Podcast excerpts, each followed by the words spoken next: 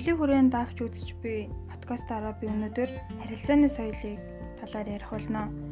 Соёл гэдэг нь хүний нийгмийн гишүүн болохын хувьд эзэмшдэг мэдлэг, итгэл үнэмшил, урлаг, ёс суртахуун, хууль, зан заншил болон бусад чадвар дадлуудыг багтаасан цогц бүрдэл бөгөөд байнгын идэвхтэй чөлөөтэй үйл ажиллагааны үр дүнд бий болж уламжлагдаж байдаг хэм хэмжээ, итгэл үнэмшил, бэлэг тэмдэг, материалог болон оюуны үнд зүйлсийн цогц хүний хөгжсөн төвшин юм.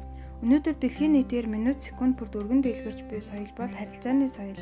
Хүн өдөр тутамдаа босод хүмүүстэй харьцаж, яриа өрнүүлдэг Үүнээсээ бид тухайн хүмүүсийн хэр соёлтой боловсон хүн гэдгийг хардаг бөгөөд тус хүнээс өөрийнх нь үндэсний яц зан шиг төдөөгүй улс орны соёлыг ч анзаарч болно.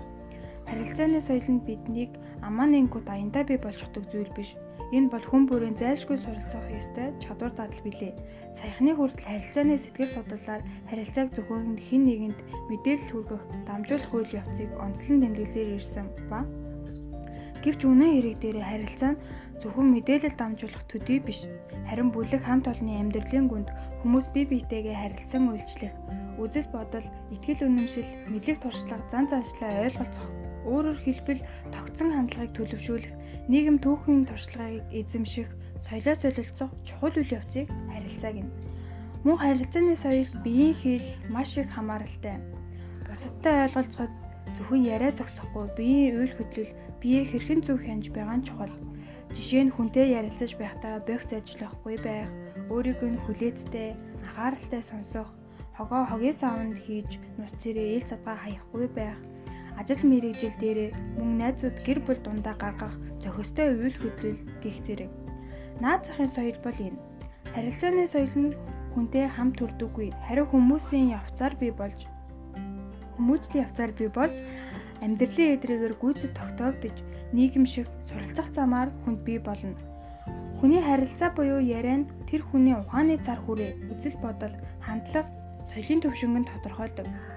Дээр дурдахтаа тус хүнээс өөрийнх нь үндэсний ёс заншил төдөөгүй улс орны соёлогч анзаарч болно гэсэн үүнийг монголчууд дундаа авч үзвэл ярианы аялахтай хүмүүс буюу халах, бурайд, казак, дархад зэрэг үндэстэй хүмүүсээс харилцааны явцад шууд анзаарч болно. Мөн тэдний өмсөн хувцас, үндэсний дээл, малгай зэрэг хувцснаас ч анзаарч болно. Соёл, соёлын зөрчил, цочирдол гэж бас бий.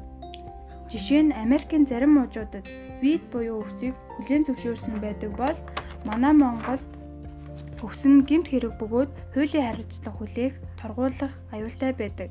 Энэ бол соёлын зөрчил. Эцэст нь соёл гэсэн ойлголтод хүний үйл ажиллагааг авч үздэг. Тодорхойлбол хүний үйл ажиллагааны маш олон төрөл, хүний өөрийгөө илэрхийлэх, танин мэдэх арга, хэлбэрүүд хүн нийгмийн хуримтлуулсан бүх чадвар дадал зэргийг нэрдэж болно.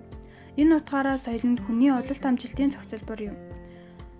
Соёлын гол одоо миний зүгээс та нарт зөвлөх зүйл бол соёлтой нийгмийг түгээж дэлгэрүүлэхийн тулд соёлтой харилцааг та өөрөөсөө эхлээрэй гэж хүсэж байна. Подкастыг минь сонссон баярлалаа.